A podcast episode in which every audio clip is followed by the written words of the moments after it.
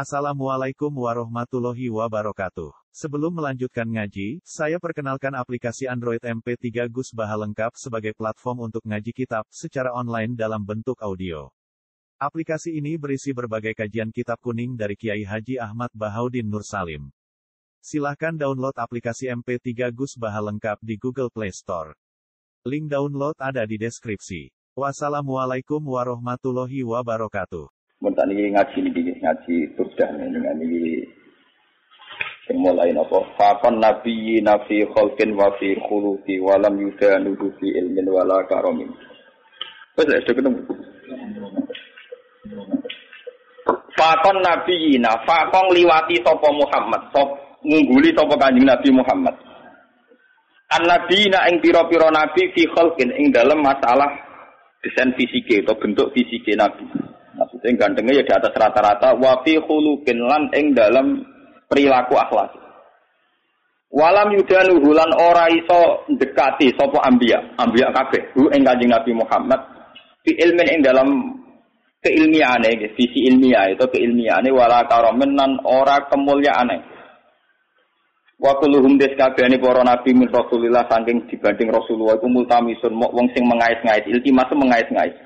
Korban ing sak cidukan menabari sang segara. Dadi ilmu Nabi Sulaiman, Nabi Ayub iku cara burda iku mau sak ciduk sangka banyu napa? Segara dibanding ilmu sinten? Kanjeng Nabi. Auras pantes sak cawukan minat diami saking gelombang. Wa watifuna lan padha ngandhek sapa ambiya ala dehi ana ing ngersane Kanjeng Nabi Muhammad indah hadi ini. Motok batas sesuai kelas mene. Nabi-nabi mentok nengko. Gak didegradasi pira-pira karena dibanding Kanjeng Nabi wis entek. Mukmin tatil ilmi saking sak titike napa? Ilmu. Au min saklatil hikami utawa untuk sak bentuke hikmah. Mulane bahwa menika Nabi Muhammad ala diku nabi tama ingkang sempurna apa makna bu maknane nabi wa suratulan bentuk surah nabi. Sumas kau mongko nuli milih ing nabi habiban ingkang dadi kesake sapa bari unasami wong sing menciptakan zat sing menciptakan manusia. Munazah untuk nabi dan berseno ansariken saking rival. Lima hasinihi, pokoknya Nabi terbebas rival dalam hal kebaikan. Gak ngarana sing ini. Maksudnya Nabi Ayub lagi. Adu larat, tidak larat Nabi Muhammad. Tapi Nabi Sulaiman, adu juga, juga ganti Nabi Nama. Mulane fajauharul kusni mongko utawi mutiara kebaikan fi ing dalam Nabi waru mongka sampe niku ora kabagi. Nabi terbebas tanpa rival. Beliau sendirian dalam hal kebaikan, dalam hal kegantengan, dalam hal visi ilmiah. Kamane ra saingan. Tapi wa semono dak dak nasara. Kamu dak ninggalo sira ma ing perkara idaat ingkang mendakwahkan hu ing mas apa anasara nasrani fi nabi ini. Kowe ngelem Nabi Muhammad oleh tapi aja sampai nyerempet ning tradisi nasrani. Iku ngelem nabi ini nganti kebablas dadi napa? Pangeran. Dadi napa? Pangeran. Dak dak nasara fi nabi ini wahkum lan ngukumono sira bima kan perkara sita kang karep sira matkan kelan ngelem. Dalam nabi waktu kimilan gawe kukuh sira utawa gawe pakem sira utawa gawe ketentuan sira. Wene iki lo terangaken nggih masalah. Dan tambah seneng pengajian. Ini mun kula niati sangin dalam karena lo kemarin mulut baca mulut gak ada tradisi baca tiba berjanji. Nah, ini kita paan pas ngaji tembriki mun jumadil ula tapi seneng Nabi dengan tni mulutan kok wong Islam nyaran. Seneng Nabi ini kok ngenteni napa? Ana kula. Kula acara patang pulau dino satu dino mati kadang rapati setuju rapat perkara bid'ah e mboten. Dan dulu anu bapak e ngenteni patang pulau dino ngenteni satu. Itu anu bedino ra kan? Ngono ngono. Jadi sing bener gak ngono. Ndongakno campur acara iku patang pulau dino. Lah nek ndongakno ya tiap bar? Sholat untuk orang tua kok. Bukan kalau tak cerita. Dalam surat Al-Anbiya itu semua ceritanya Nabi dipaparkan. Masuk cerita Nabi Musa, Nabi Harun, Nabi Ayub, Nabi semua Nabi. Dan semua Nabi ini punya komplain, dikomplain oleh Tuhan. Kalau bahasa saat ini dikritisi oleh pilihan sikap yang paling ideal, yaitu Nabi Muhammad Shallallahu Alaihi Wasallam. Yang tidak dikritisi itu hanya satu. Ini kok Abdul Ambiya, Nabi Ibrahim saja. Anif tapi milata Ibrahim Hanifah. Hanya itu saja. Sebab itu yang ada wa masalli ala Muhammad atau ali Muhammad kama soleh ala Ibrahim wa ali Nabi Ibrahim. Mau tentang surat Ambiya dijelaskan betapa miskinnya Nabi Ayub. Wawarat, kudikan, mambu nganti dibuat gone pekarangan ya, luar kampung. Ngono ditinggal bojone sekuwere semua macam-macam kerere. Tapi ketika adiknya bojone usul, ya ayo mbok donga pangeran kersane jenengan sembuh. Jawab Nabi Ayub, aku lara pirang tahun, 18 tahun. Sehat pira? 80 tahun. Aku izin ke pangeran. Lara aku mbek aku dia apa? Jadi dungane ngenteni nek 80 apa? Lola jadi gaya sini gitu lara tapi yang gereling Nabi Ayub meriang. Sing ngelo itu rasiko. Eh wong lara lagi seminggu gegere ra karuan, padahal sehatnya puluhan tahun pelepak. Dari Nabi Ayub wis ra Artinya sampai kalau tidak niru Ayub lewat kiri pun tidak jadi wali ternyata. Sudah kiri nggak jadi nopo. Parah nih, parah. Tapi Nabi Sulaiman kebalikan, dia itu Nabi yang tidak pernah punya masalah sosial ekonomi maupun kepangkatan, karena dia lahir sudah jadi putra mahkota. Kalau Nabi Dawud itu jadi raja karena berhasil mata ini sinten Dalut. Tapi kalau Sulaiman sudah bin Dawud, jadi dia mulai kecil langsung pun putra nopo mahkota, terus langsung jadi raja. Walhasil ini kalau cerita. Apa yang dilakukan Nabi Ayub, yang dialami, yang dialami Nabi Sulaiman, itu cara sahibul burda. Kitab ini dipakai oleh ulama seluruh dunia. Bahkan sebesar Sayyid Muhammad saja, kalau Matku Rasulillah sering merujuk kitab ini. Ini dikarang oleh Imam Busairi. Imam Busairi atau Imam Busiri, nak Jawa, darah Imam itu Busiri. Itu sering dipakai tafaul oleh para kiai karena di sini semua nagamanya itu Matku Rasulillah dan dianggap matkunya itu yang terbaik. Jadi di antara syair-syair yang mematku Rasulullah, muji Rasulullah, yang terbaik itu naguman itu Syekh Namun Bisiri. Karena dikombinasikan oleh paham sufi kelas A. Okay? Paham sufi kelas nomor A. Buatan berbau si A, ya ada berbau ahli sunnah, pokoknya kelas A sufi ini. Yura sunni, yura nopo si A. Misalnya begini, Imam Busiri ngomentari wa kulluhum min Rasulillahi multamisun khurfan minal bahri aw rasfan minat ya. Nabi yang terlalu mengagung-agungkan kemiskinan sebagai media takarub ilallah itu juga ujung-ujungnya itu kriminal pidana. Miskin itu baik dari segi bahwa orang miskin itu tidak makan syubhat, orang miskin tidak ngambil uang korupsi dan sebagainya. Baik. Dari segi menjauhi segala syubhat haram miskin itu tapi kamu akan merasa bahwa miskin itu adalah sebuah kriminal, sebuah pidana. Nak wong tua meloro ra iso ngobatno, ana kiaimu kelaparan ra iso ngekeki ber berat. Kamu sadar bahwa media pakai jalur miskin ada kriminalnya, yaitu tidak bisa berbuat sama sekali saat ada keharusan-keharusan berbuat. Misalnya kere banget, roh yatim kere, Padha kene jong sepuntene. Rombok meloro wis kejet-kejet. Mak mati wae mak ora iso ngobat. kan ngeri. Tetap ada sisi kriminalnya. Paham ya? Ada sisi apa? Kriminal. Makanya miskin teman-teman oleh Nabi terus dikomentari ya tetap iku wis kadal fatu aja kuda apa kufra. Ngobatno boe kok milih mati. Mbok boe dhewe mak mati wae ngobatno ya aku Sampai nih tuwa wae. Ya pancen ra diomongno tapi atine ngono. Justru ra diomongno kita munafik malah dosane tambah do loro. Dosa melarat ra iso ngobatno ya dosa ning atine arep-arep mati. Nah, dari segi ini miskin itu masalah.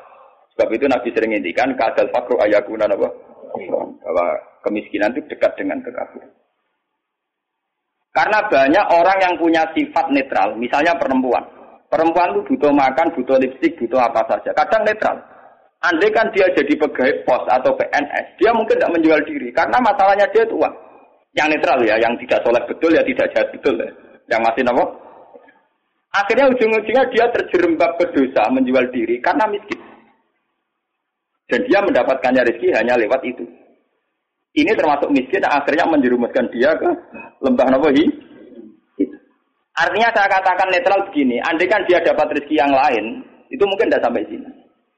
Makanya mengecualikan sing soleh kelas A, meskipun miskin tidak zina, atau yang mentalnya nakal meskipun juga ya tetap zina. Ini contoh yang netral yang masih dipisah dipengaruhi uang. Banyak contoh-contoh miskin yang akhirnya masalah, yaitu kelihatan di bab jihad. Kabeh sahabat itu nangis. Ketika Nabi mewajibkan jihad dengan perlengkapan perang, itu sahabat-sahabat yang marah mesti nangis. Tawallahu wa ayunuhum tafidu minat dam'i hazanan alla yajidu mayun Karena perang tuh dengan begitu banyak peralatan, energi, persiapan dan sebagainya. Tiap ono kewajiban perang sahabat semua rata-rata tunang. Karena mereka sadar tidak bisa berbuat banyak. Artinya apa? Kalau kamu menjadikan miskin sebagai media takarub ilawah dan itu satu-satunya ternyata juga banyak mas masalah. Sehingga nggak bisa ditur. Malah kalaupun ini benar, ya kata yang ngarang berita itu tetap hikmah. Miskin itu tetap baik dari segi tidak makan barang haram, dari segi babil kafi dia baik, tidak makan barang haram. Tapi ada masalah. Lah ini oleh berita disebut nuktatul ilmi. Apa yang dialami Nabi Ayub banyak sekelumit ilmu, sekelumit hik, hikmah. Begitu juga yang dialami Nabi Sulaiman. Untuk senang Allah saja kok nunggu kaya raya gitu. Mayoritas orang kan tidak kaya. Kalau untuk senang Allah harus kaya dulu, orang nggak bisa senang Allah semua. Karena untuk senang Allah harus kaya. Saya tuh punya banyak tetangga di Sarang, di Rembang, di mana-mana kalau survei. Sebagian masyarakat, ya itu bertahajud, esok mulang Quran, bari kudu, kabar duha, yang madrasah, bari itu. Sebagian masyarakat yang tidak dolim-dolim amat ya, mereka orang baik loh ya. Kecuali orang nakal, manjen senang kiai. Nah, kiai kami ibadah pilih Gus. Dia ini orang mikir belanja. Orang mikir nawa belanja. Dia tidak mikir uang harian. Artinya ternyata kiai yang mapan juga tidak jadi percontohan yang baik. Karena kemudian masyarakat yang soleh yang tidak mapan menganggap kiai sergap ibadah itu dipenuhi ibadah karena dia berkecup. Umpama daerah kecukupan Gus. Macul sik lagi kelar sholat. Ya bercocok tanam dulu baru kelar ngajar keras sholat. Intinya, andai kan dia itu mapan semua, tentu orang akan bilang bahwa mereka tenang ibadah, tenang ngajar karena berkecu. Itu juga tidak contoh yang baik, paham ya? Paham ya? Itu juga tidak contoh yang ya, Rasulullah itu tidak begitu semua. Fakat nabi nabi kholkin wa khuluki walam yudanuhu fi ilmu walaka. Walam ilmu. Kalau nabi itu bisa dua-duanya. Beliau ketika perang Honda, perang Datil Usra, itu ada cerita paradok. Dan itu Nabi benar-benar bahrul ilmi. Lautan apa? Ilmu. Kita tahu dalam perang itu Sayyidina Utsman itu nyumbang 50 kuda. Sekian ratus onta, sekian ratus al, al arba itu alafi dinarin. Cara tadi hampir 4 miliar. Sumbangan di sini tadi sini Sinten Sayyid, Sinten Sayyidina Utsman, Tolha, Jubair. Itu rata-rata sumbangannya di atas 200 juta. Sahabat yang miskin-miskin itu sampai kurma satu saja diisep orang dua, saking miskin. Ada yang bawa kurma satu ikat. Dan dalam perang itu diceritakan Nabi itu saking laparnya itu perutnya diganjil mbek Lu umpama Nabi ku nakalan, lha opo enggak diwatu nyembelih sitok ibar. Kenapa Nabi tidak jalan tinta memotong salah satu kuda atau unta kemudian menyelesaikan masalah kelapa jadi di cerita itu kan mestinya kita-kita sebagai kiai, sebagai ulama kan paham paradoknya. Di satu sisi dicerita Allah sumbangan begitu melimpah. Di sisi yang lain Nabi ini kelaparan. Sampai kenapa ganjil? Nah itu Nabi Muhammad. Beliau sebagai pribadi yang seorang Nabi, seorang Rasul. Dia sadar betul kalau dunia itu tidak ada artinya semua. Sehingga dia sebagai kapasitas Nabi, sebagai orang dekat Allah, ya sudah dia miskin, tidak ada masalah. Tapi beliau sebagai pemimpin besar yang harus dengan persenjataan lengkap, dengan perlengkapan yang komplit karena ngadepi pasukan besar saat itu Romawi, harus lengkap secara syariat. Nah, kita itu ngerap bener kate. Nabi Ayub tentu tidak akan kuat ngadepi pasukan Romawi, ngadepi bojone orang kuat. Paham ya? Nabi Sulaiman juga tidak koordinator yang baik karena kemudian nanti yang dianggap hebat Nabi Sulaiman saja. Karena dia perang pakai pasukan jin, pasukan setan, pasukan kewan dan sebagainya. Kapan dia didik umatnya kalau jalan pintas begitu? Paham? Mulanya dinyak Imam Busiri itu walam yudanu fil itu udah ada visi ilmiahnya, kekuatan gitu itu udah bervisi ilmiah. Jadi habis ini kita nabi lagi kekuatan itu orang aku visi apa? Jadi gampangannya kayak pulau nih kiai melarat terus mergawe kelar mangan kan mono visi ilmiah kiai gitu teladan nak kelar mangan bergomer. Empama kalau tukang sulap, Jam salah bim terus suka. Lalu kan peniru piye. Lah Sulaiman jalan pintas ngono iku mergo dekne mamimpin pasukan jin pasukan kurang mutiara wa minat sayati ini mayahusuna lahu wa ya'maluna amalan suwetan dikongkon golek mutiara kurang bangunan jin kon kerja lembur Wah, pokoknya setan intinya Sulaiman jalan pintas kabeh. Paham? Jadi guru gurunya jadi konfuser. Malah netinya, apa saya bilang, umpama sisi kebaikannya Sulaiman itu hanya satu, bahwa semua kebesaran itu ternyata tidak dipakai selingkuh, tidak dipakai zalim itu saja. Tapi itu bagaimanapun hanya nuktatul ilmi sedikit ilmu, tapi tanpa visi. Bandingan dengan Nabi Muhammad, sing sugeng itu ana sugi, rupa-rupane iso bina Sayyidina Utsman nyumbang kekayaannya untuk perang. Sing kiri koyo rugen yo ora tomat terus njaluk sapi di sebelah situ. Tetep dekne jihad, senajan to nggawa sak gegaman kur. Sehingga uang yang melimpah dari para donatur kaya tidak nggo makani rugen. Mergo rugen yo nggawa bekal deh. Artinya apa? Sing kiri yo jihad, sing sugih nggih napa? Nabine ora kedungsangan enak-enakan nyembelih sapi. Kere bareng-bareng toleransi mbek rugen. Lah itu jenenge bahrul ilmi. Nabi memang orang yang luar luar. Kulo nu ora lah tak tiru. Kulo nu melarat secara pribadi. Kulo sebagai ulama, sebagai wali, sebagai orang dekat Allah itu ya biasa nganggep dunia kurang artinya kan. Ojo wali cara versi ini sampean, wali cara versi sampean kudu keramat, kudu heboh. Wali cara Quran itu gampang. Allah seneng wong mukmin, Allah waliul ladina apa? Aman. Asal kowe mukmin itu senengi pangeran. Ya cuma tingkat seneng ini kan sesuai kadar iman. Iman mbek ngontak ngantuk mbek bingungan ya Allah senenge ya. Iman kok aman. Jadi kamangane ini lho pangeran mbek sampean ini mulai kenal aku, mulai roh donga kok aman cerita kepentingane wae iku kapan roh kepentinganku dari. Sampean donga ora nglapor kepentinganem. Kowe tahu donga ngene ya Allah, saya ingin melihat Indonesia yang sergap sholat, sergap jamaah kan gak tahu. Kepengenem yo ra utang sugih. Sing mbok lapor kepentingan pribadi. Allah sebagai zat yang mimpin alam global, kue ku nyamuk. Ah, pribadi merah penting. Lorong, oke. Malah apa? Lorong. Kalau balik iman ini. Imam Busiri itu imam yang dianggap cara madah neng Rasulullah. Muji Rasul itu yang paling komplit. Berdasar ilmu apa? Hakikat. Sehingga visi kayak Sulaiman itu memang ya beliau hanya soleh gitu saja akhirnya. Tapi tidak punya visi ilmiah, visi pembinaan, visi tarbiyah. Bagaimana umat bisa dibina dengan model sim salafi? Tidak bisa. Rai so kowe didik umat sebagai ulama kiai terus didungo apa terus duit teko dhewe dikirim jin, mas batangan dikirim. Mungkin kue jaduk sebagai pribadi, tapi itu tidak tokoh yang baik. Begitu tidak tokoh yang apa? Kulo nu anak kiai, jadi ngerti tenan sanat-sanatnya. Bapak nu gak ada wiridan disukani orang yang sedang populer jadi wali saat itu. Wongnya saya kisah urip sing terkenal jadi wali. Beliau itu hujan bapak ijazah dan juga. Lalu dia si orang itu dikasih ijazah. Bapak itu sebagai orang yang ngapal Quran, orang syariat nyongkone bapak itu ya ya terus rezekinya lancar lewat kerja, buat sawai panen, buat apa. Umumnya orang yang bapak itu orang Quran inginnya kayak umumnya orang. Ketika wiridan itu dibaca ada dua entah buat makhluk gaib buat jin. Gue dua usah keras. Iya jadi kan butuh duit nih gitu. Bapak terus keluar, keluar dari kolmatnya itu. Pas itu ada ibu, ada saya. Wah wali ku raka ya. Wali ini jajah. Wah wali ku raka hasil. Masa aku rak wali bener. Dibulai wali awur-awuran. Karena ini aku ya iso. Hanya bapak itu menolak itu. Dan saya setuju oleh perilaku bapak itu. Itu itu jalan pintas. Namanya apa? Jalan apa? Kita ini punya Nabi Nabi Muhammad, bukan Nabi Sulaiman. Mulanya Nabi pangeran gak Nabi Sulaiman Nabi lagi baleni bahaya kan umat. Sing Nabi kan Nabi Sulaiman harus ikut tok. Serasa dibaleni, paham no?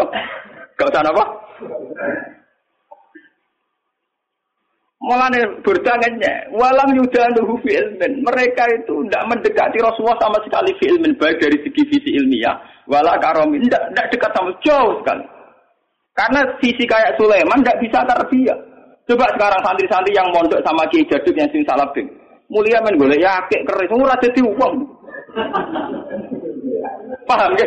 Ora arah dadi uang. Kiai ini kon tobat dengan Dani ini. Ya kadang payu antike langsung tak wakil. Tapi kadang gue tenang. Itu tidak ada jangka panjang.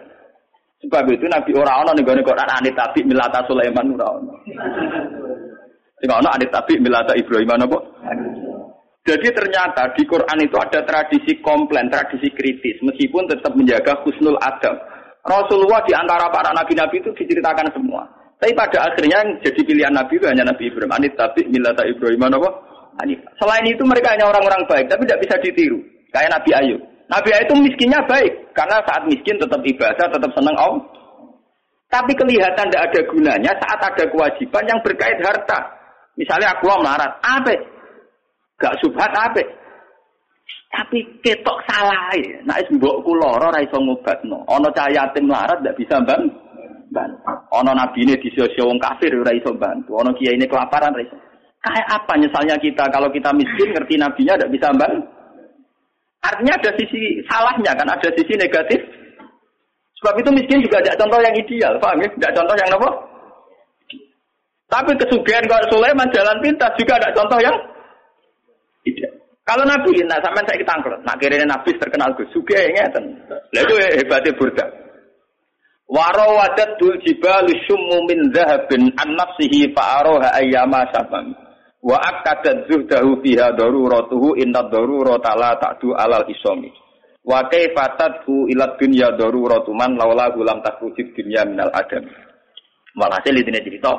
Ketika Nabi kiri pas perang Khandaq terus pas beberapa peristiwa niku. Gunung Uhud matur, "Ya Rasulullah, saya ini gunung di bawah titah Tuhan. Kalau jenengan ngersakno saya jadi mas, saya jadi mas." Dari kaji Nabi, padahal itu pasti ku kere. Wong kere kelaparan nono gunung matur jadi napa? Mas.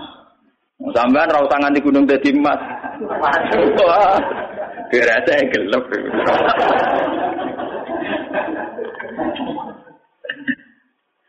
Emas gunung Uhud itu matur kanjeng Nabi beda emas. Kanjeng Nabi mau.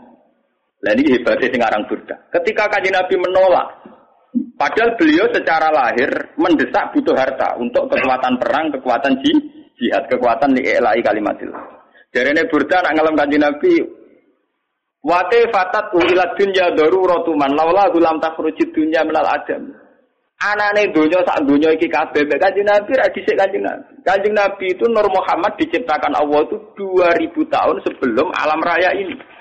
Bagaimana orang yang diciptakan lebih dulu butuh hal yang kemudi kemudi. Mulane darene burdah laula gulam takhrujid dunya minal adam donya ora gak ono. Anane donya mergo digawe kanggo Nabi Muhammad. Laula kalaula kama khalaqtum aslah. Umpama ora kowe mata aku ora gawe. Bagaimana mungkin seseorang yang begini spesial, begitu spesial, begitu kastanya tinggi, kemudian geletek terima seneng napa? Donya sing donya mau digawe faktor dekne. Mulane bener Nabi jawaban cek kowe dadi mas ya ora tetep kowe ku dadi kowe ora kakek makmur. Intine lah aku iku kowe digawe krana aku malah marah ya aku. Lha kowe berarti kanjeng Nabi Sulaiman ora paham muni paham, Nabi Sulaiman gak paham. Jadi tidak ada ilmu kanjeng Nabi tidak apa? Saya itu semakin syukur sama Allah sampai kulon sujud syukur. Memang Nabi Muhammad itu jauh di atas Nabi Sulaiman. Usul apa apa nih Nabi Sulaiman itu KTK, dibanding Nabi Muhammad itu tidak apa-apa. Begini, saya ini kan hafal Quran, semua yang hafal Quran tahu. Hubungannya Nabi Sulaiman mbek kelompok jin iku kon golek mutiara ning laut terus diperdayakan sedemikian rupa jadi karyawan kon bangun gedung. Walhasil dikaryakan secara kapitalistik.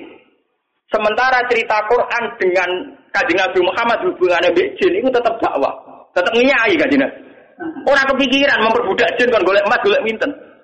Semua Quran mulai ayat apa saja. Wa idsorofna ilaika nafarum minal jin yastami'unal itu betapa luar biasanya Nabi Muhammad. Hubungan tekan hubungan di alam gaib kados jin. Itu hubungan Nabi yang ngandani. Jin kowe yo iman, piye wae kowe ku makhluk kudu nyembah sing gawe kowe. Sampai sebagian jin karena Nabi ajaannya rasional, sampai banyak yang iman. Sampai ya kau mana aji buddha ya Allah wa aminu. Muhammad wong bener tenan ngajak kita Nabi Sulaiman tak tempat dakwah, amin kon ngumpul umat ya repot. Malah ora kena dino, ora kena apa? Dan saya tahu itu tidak lewat kitab. Saya cukup memahami dari Quran. Benar, nak Imam Burda oleh ngelam Nabi Muhammad sudah langit. Nak ngenyek sampai walam yudanu filmen. Dekati saja enggak. Ya, mana cara kelas men no? Wah Inter Milan musuh wong sing degradasi. Pokoknya MU musuh tim-tim sing apa? Calon apa? Degradasi. Wes sesuatu era level. Enggak sampai tinya gitu. Wawa kifu nalade indah kadimi. Nabi-nabi stok mentok. Ilmu dia entek. Nah jangan-jangan panjen. Coba Nabi Muhammad. Nabi Muhammad itu syariatnya bahkan bisa dirasakan sampai sekarang. Termasuk syariat yang susah dipahami. Yaitu yang kaitannya moral. Kabeh Nabi sing khusus-khusus rawani nabrak moral. Misalnya tentang perempuan. Meskipun kita-kita termasuk suami-suami takut apa? Tapi kita harus menghormati visi Rasulullah secara ilmi. Lo Nabi terhadis sokai nanti ngendikan ngeten. Waku biba ilayya min dunyakum dua nisa. Urusan dunia sing aku seneng mau loro, yaiku wong wedok mek wangi. Secara hukum normatif itu janggal. Bahkan banyak pakar-pakar sekuler, orang-orang kampus yang janggal dengan hadis itu. Masa Nabi ngomongnya gitu, Kiai ngomong ngomongnya kira-kira apa? Tapi dari segi ilmiah, dari segi visi kelangsungan Islam itu luar biasa. Wong wedok cewek gawa rahim, gawa apa? Ah, kalau mau ngomong Mbak Mustafa, Mustafa singkat itu ngomong moral nih, ini ngomong moral. Saya ini misalnya kayak di tonggo ayu, dia pelisan orangnya netral, artinya ya mungkin seneng santri, mungkin seneng mau nakal. Netral, artinya tidak soleh amat-amat, juga tidak jahat amat. amat. Ketika misalnya disenangi ruhin, itu dibayang tak gede gede ruhin anak ejek menakali nih musola, mencana lambung musola. Tak nakal nakali anak emong soleh, paling rusoi masjid. Ibu cek nakal, tapi tetap di nakali nih masjid, umatnya moromet. Paham ya? Tapi saat api-api anak wong nakal, pas tertib yuk gede-gede ning bar. Lho pas tertib ning bar. Yo ora ngusah lampu tapi ning jero napa? Nah, ketika Rukin ngawin caiku, Kesane kok wong santri kok kawin wong ora santri. Secara moral mas ah masalah. Nak wong nakal kawin iku sawangane pantes, mergo ora santri entuk ora. Tapi umpama nabi cek sugeng mesti ngandani rugen, rabi kowe ben turunan itu wong apik. Padahal secara ilmiah bayangkan nak cawe itu iku untuk canakal. Kemudian aktivitasnya di situ, komunitasnya di situ. Maka kampung situ akan menjadi komunitas nakal dan menjadi aktivitas nakal. Sing luwanang teko rambut gondrong gitaran ning teras. Kok dia anak cuwilis budik. Nanti yang resah juga masyarakat. Sebab itu Nabi menganggap penting mengurusi perempuan dengan arti punya visi ilmiah. Bahwa ngurusi ini dengan nanti ben anak turune jadi populasi yang so. Makanya tanah kahu tanah salu fa ini mubahin bikumul umam. Kamu udah harus nikah kemudian punya anak turun yang lewat nikah. Dan itu aku akan bangga. Because saya anak turun tanpa jalur Neka. Paham ya? Itu namanya visi ilmiah yang luar biasa. Meskipun secara moral kita janggal. Masa Nabi Kiai kok ngomong apa? Ben sing wong kapus-kapus ben paham kenapa Nabi ngendikan hadis itu. Paham ya? Juga sekarang masalah poligami. Kita meskipun prakteknya mungkin takut poligami, orang kuat, orang sing gelem, gue dalam nafsir kemungkinan ada gue akeh. Ana sing ra kuat kaya Rukin, terus ana sing ra gelem kok Mustofa. Ana sing ra wani kok sapa. Konteksnya macam-macam lah. Paham ya? Tapi kan bisa dinalar. Kalau orang soleh membawa empat perempuan, artinya ada empat perempuan yang nanti berketurunan soleh. Umpama anak nuwakal lah kecewa be bapak, ada kiai kecewa be bapak paling tetap mencalon kocok langgar, jadulanan langgar menengah terus. Paham ya? Umpama budik maka lebih bapak istri waca donga ya Allah bapak kula jiran wales eling ya Allah. Dongane sih ya Allah nang ketawa kete berarti Pak. Tapi nak wong nakal ora kenal ya Allah, paham ya? Iki apa to donga mbek apa? Ya Allah bapak kula nur adil sing disayang anak sing mbok niki. Jiran wales bapak kula ya Allah. Wis ya Allah. Iku nakale anak iki ya Allah ya Allah. Iya lagi, bujek tauhid paham ya? Lu mau mana wong nakal cerano ya Allah. Ketika bapaknya dipateni, kurang marem dimutilasi. Nah ini kalau cerita, makanya Nabi itu sering ngendikan iya aku rahim, kamu takutlah rahim. Padahal sing dirahim itu wong we.